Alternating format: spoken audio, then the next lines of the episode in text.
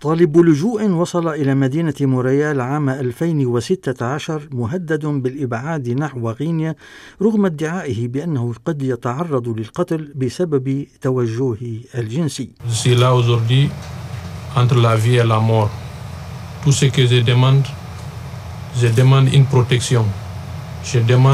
Au gouvernement Canada de sauver ma vie et celle de mes enfants.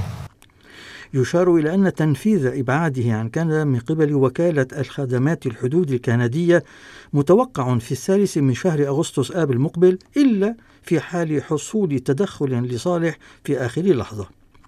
لقد هجرت بلدي مع أنني كنت شخصا معروفا وكنت أملك ما يسمح لي بالبقاء في بلدي.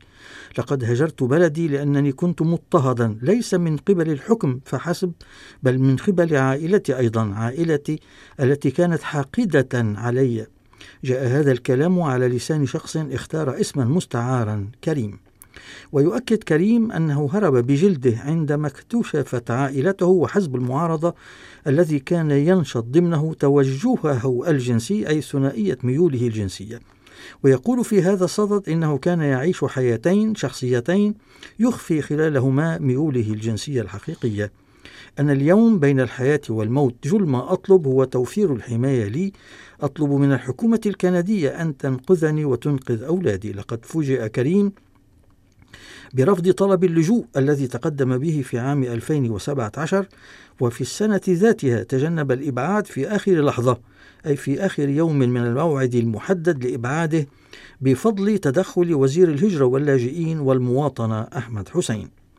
وبعد حصوله على إذن إقامة مؤقت يسمح له بالبقاء في كندا لمدة ستة أشهر رفضت وكالة خدمات الحدود الكندية التمديد له.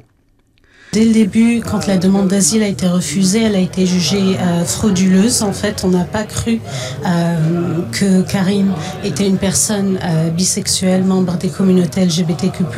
لقد حصلت تدخلات لصالحه بهدف منحه إجازة إقامة مؤقتة بعد الضجة الإعلامية التي أحاطت بالملف مع الأسف يبدو أن الليبراليين قرروا المضي في اعتماد سياسات الإبعاد الترحيل التعسفية التي كان يعتمدها المحافظون حسب تعبير محاميه ستيوارت إستيفانفي. كما رفض لاحقا طلب كريم للحصول على إقامة لدوافع إنسانية وأخيرا آخر طلب لفحص المخاطر قبل الترحيل الذي بقي دون جدوى. ويعتبر محامي كريم أن الأمل الأخير هو تدخل المحكمة الفيدرالية للحقول مرة جديدة دون ترحيله. وجلسة المحكمة الفيدرالية للنظر في القضية يوم الاثنين المقبل.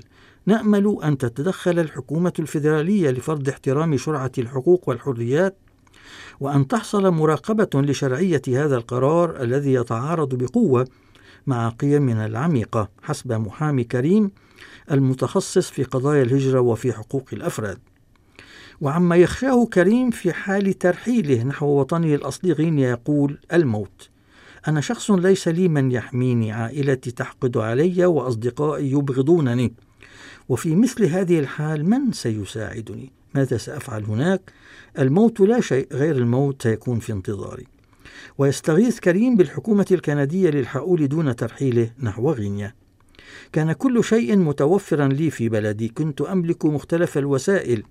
ولم يكن لي أي رغبة لترك بلدي ولم أكن لأترك بلدي لو لم أواجه هذه المشكلة. يقول كريم الذي يتوقع الحصول على مزيد من الدعم السياسي والمجتمعي له في كيبيك يقول محمد بري الناطق باسم اللجنة الغينية للحصول على وضع قانوني للجميع. Si tu tombes dans, la, dans les mains de la population, tu vas être lapidé. Si tu tombes dans les mains de l'armée, tu vas être emprisonné et torturé. Tu vas, tu vas payer des amendes. Donc c'est 10 ans de prison en Guinée selon les lois. La Guinée, c'est un pays à 100% croyant, 90% des musulmans, 10% des chrétiens. Il n'y a aucune religion qui tolère euh, l'homosexualité.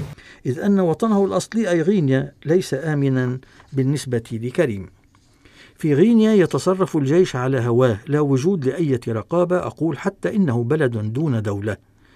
بلا رقابة فالجميع يخلصون في كل مرة. ويضيف محمد بري قائلا مثليو الجنس لا تتوفر لهم الحماية في غينيا. هم غالبا ما يكون قصاصهم الرجم ولا يجرؤون حتى على المطالبة بحقوقهم. لا يمكنهم أن يسيروا يدا بيد في الشوارع وقد يحكم عليهم بالسجن عشر سنوات بسبب مثليتهم.